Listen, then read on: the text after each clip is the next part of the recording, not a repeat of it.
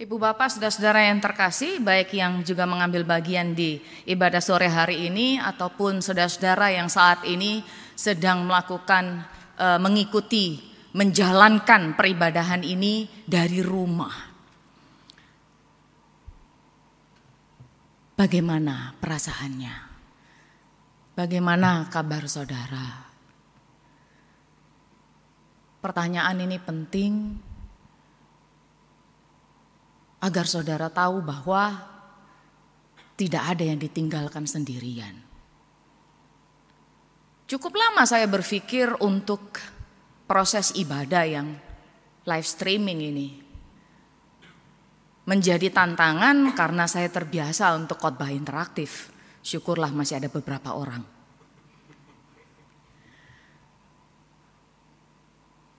Selama seminggu ini kita ditantang pada situasi untuk bagaimana memahami persekutuan sebagai situasi yang berbeda dari biasanya.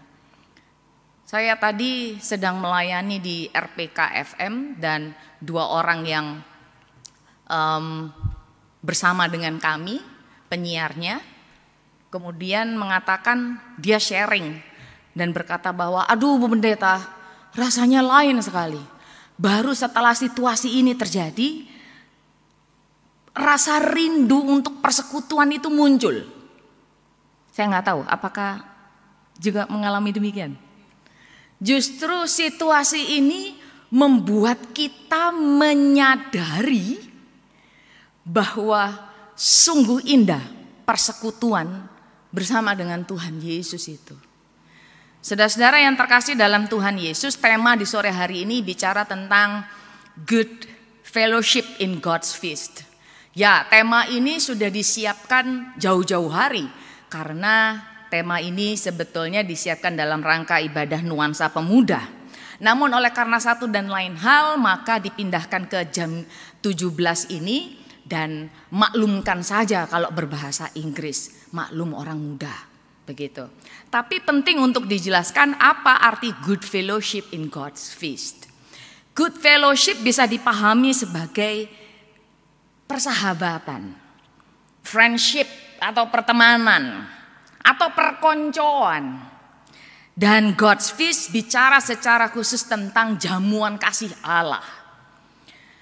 Situasi yang kita hadapi oleh karena isu COVID-19 ini kemudian membuat gereja kita semuanya mendefinisikan kembali arti perjamuan kasih dengan Allah.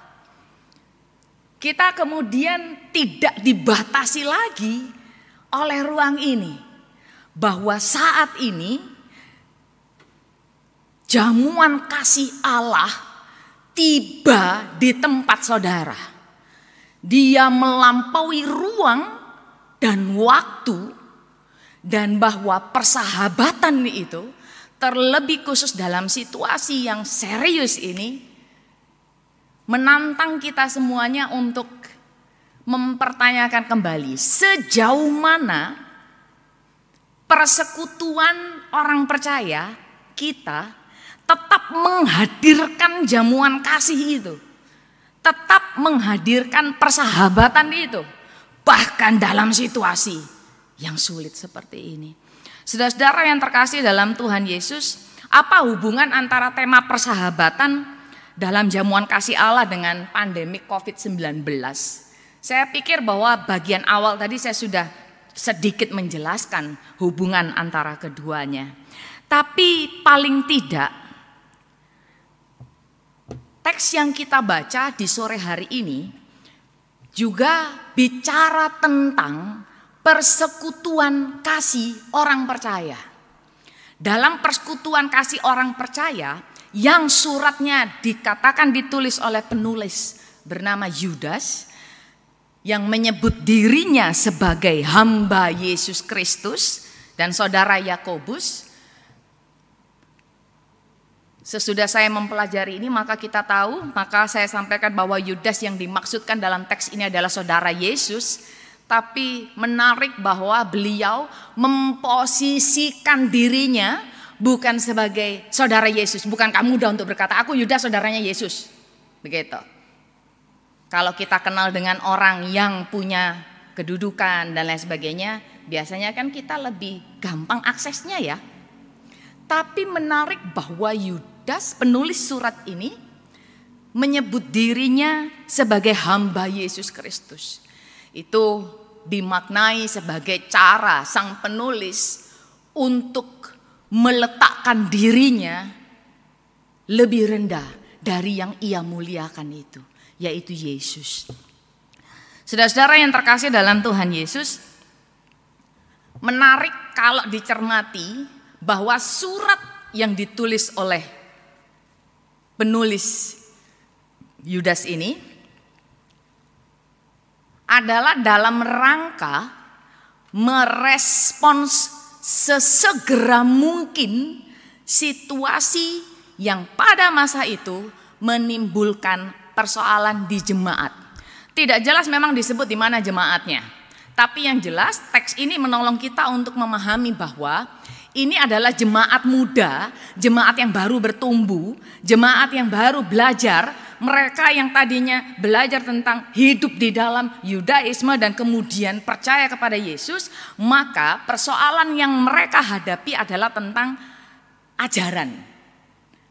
Ajaran yang membangun iman mereka. Persoalan muncul ketika kemudian menurut penulis surat ini katakan bahwa ada orang-orang yang secara sengaja menelusup di antara mereka dan itu muncul di ayatnya yang ke empat. Dan penulis ini katakan bahwa orang ini adalah orang fasik orang yang menyalahgunakan kasih karunia Allah dan orang-orang ini ada bersama dengan persekutuan orang percaya. Penulis surat Yudas merasa terdorong. Coba kita perhatikan di ayatnya yang ketiga. Saya bacakan. Saudara-saudaraku yang kekasih, sementara aku bersungguh-sungguh berusaha menulis kepada kamu tentang keselamatan kita bersama, Aku merasa terdorong untuk menulis ini kepada kamu dan menasihati kamu. Supaya kamu tetap berjuang untuk mempertahankan iman yang telah disampaikan kepada orang-orang kudus. Kata merasa terdorong dalam bahasa aslinya disebut sebagai anak ke. Kata ini diartikan sebagai tindakan yang harus, wajib, enggak bisa enggak, tidak bisa tidak, harus dilakukan. Artinya penulis surat merasa bahwa kali ini tidak bisa tidak saya harus bicara, begitu. Nah, surat ini menjadi penting bagi jemaat yang menerimanya pada saat itu karena ancaman terhadap persekutuan, ancaman terhadap uh, kehidupan umat tidak hanya ternyata persoalan ajaran. Ibu bapak saudara yang terkasih dalam Tuhan Yesus. Kehidupan di gereja perdana itu sungguh kompleks. Kalau ibu bapak bandingkan misalnya dari bacaan ini. Eh, teks yang kita baca hari ini. Dia punya kemiripan dengan surat 2 Petrus. Bisa dilihat bagannya, ada kemiripan. Surat Yudas dituliskan lebih dulu daripada 2 Petrus. Tapi mau mengatakan bahwa ada isu sosial, politik yang sama, yang digumuli, yang digulati oleh gereja-gereja perdana. Tidak hanya mereka ini jemaat muda, mereka juga bukan jemaat yang apa diterima secara terbuka, kekristenan menjadi sesuatu yang serius pada era itu bukan ketika penolakan, penganiayaan dan seterusnya. Dan dalam situasi yang rumit seperti itu ada saja yang berusaha mengacaukan dari dalam. Maka penulis Yudas merasa terdorong, enggak bisa tidak, dia harus berkata. Saudara-saudara yang terkasih dalam Tuhan Yesus, saya menggunakan kisah awal di atas untuk mengajak saudara membayangkan perasaan penulis surat ini. Menurut teman-teman dia orangnya peduli nggak berarti? Begitu. Kalau saya peduli sama orang, saya nggak akan menunda untuk memberikan masukan yang positif pada orang itu, bukan? Tapi di sisi lain juga menantang, menantang diri sendiri maksudnya. Bisa jadi kita tidak dekat dengan orang itu. Dan gara-gara tidak dekat, dekat biasanya kita menahan-nahan diri untuk memberikan nasihat. Yudas memberikan masukan, peringatan, nasihat karena dia punya kepedulian terhadap umat. Saudara-saudara yang terkasih dalam Tuhan Yesus, kewaspadaan yang Yudas lakukan itu bukan untuk dirinya sendiri. Tapi kewaspadaan yang Yudas lakukan itu demi keselamatan orang-orang yang dia kasihi. Jemaat-jemaat Tuhan yang dia layani. Tentu saja dalam situasi ini, ibu bapak saudara yang terkasih, banyak tema yang sebetulnya bisa diangkat dalam teks ini. Apalagi teks ini juga bicara tentang e, parousia, bicara tentang hukuman, bicara tentang banyak tema. Tapi marilah kita batasi. Saya membatasinya pada cara Yudas melawan orang-orang yang menelusup dan punya niat menghancurkan persekutuan. Saudara-saudara yang terkasih, kalau kita mau merespon situasi belakangan ini, maka kita tahu bahwa musuh bersama kita sekarang adalah COVID-19. Gitu. Dan musuh bersama ini kemudian begitu mencengkeram kita sehingga banyak orang merasa bahwa ini akan mematikan begitu kan? Atau di sisi lain sebetulnya kita mau jujur media sosial, media online, percakapan kita di media sosial uh, menunjukkan ada benturan-benturan. Ada persoalan iman, kan ya begitu kan? Kalau ibadah dilakukan di rumah, ini persoalan iman. Uh, salaman, uh, namaste, ini seperti orang tidak beriman dan seterusnya. Tentu saja saya tidak akan membahas polemik antara dua pendapat ini. Tapi yang mau dikatakan bahwa tidak bisa tidak. COVID-19 adalah sesuatu yang serius. Menantang kewaspadaan kita. Gereja, orang-orang percaya untuk terlibat pada cara bagaimana Tuhan akan menghadirkan kehidupan. Ibu bapak saudara-saudara yang terkasih, tidak bisa tidak. Tidak bisa tidak. Yudas melihat bahwa orang-orang yang menelusup ke persekutuan ini, Yudas katakan mereka seperti noda. Wow, noda. Kalau baju kita putih seperti toga ini, saya berharap kalau saya misalnya tidak sengaja toga saya kotor, saya berharap noda itu ada di belakang stola supaya nggak kelihatan kotor. Karena toganya warna putih. Bayangkan saudara-saudara juga memakai pakaian yang satu warna e, putih atau warna-warna terang. Dan ada noda di situ. Pertanyaannya, orang fokus pada diri saudara atau noda itu? Iya, begitu kan? Padahal orangnya cakep, bersih, sudah mandi dan lain sebagainya. Nodanya ya mungkin gak di baju, mungkin cemong gara-gara lipstick. Gitu. Orangnya baik, tapi gara-gara cemong kita fokus pada yang cemong itu gitu. Saudara-saudara yang terkasih ini adalah bawaan manusia.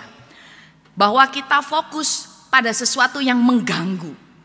Sesuatu yang mengganggu ini dicermati oleh Yudas sebagai orang-orang yang akan berpotensi memecah belah, mengombang-ambingkan jemaat dan kemudian ada persoalan iman di situ. Saudara-saudara yang terkasih dalam Tuhan Yesus, bagaimana saudara mengambil peran dalam situasi yang sulit ini?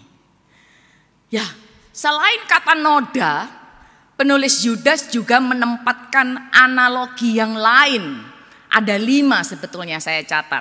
Kalau ibu bapak saudara baca di eh, ayat-ayat uh, yang berikutnya, misalnya di ayat yang ke um, 12 ke atas, maka ada lima analogi yang mau di yang dipakai oleh penulis surat ini untuk mengatakan bahwa yang menelusup itu adalah orang-orang yang punya karakternya, begitu kan?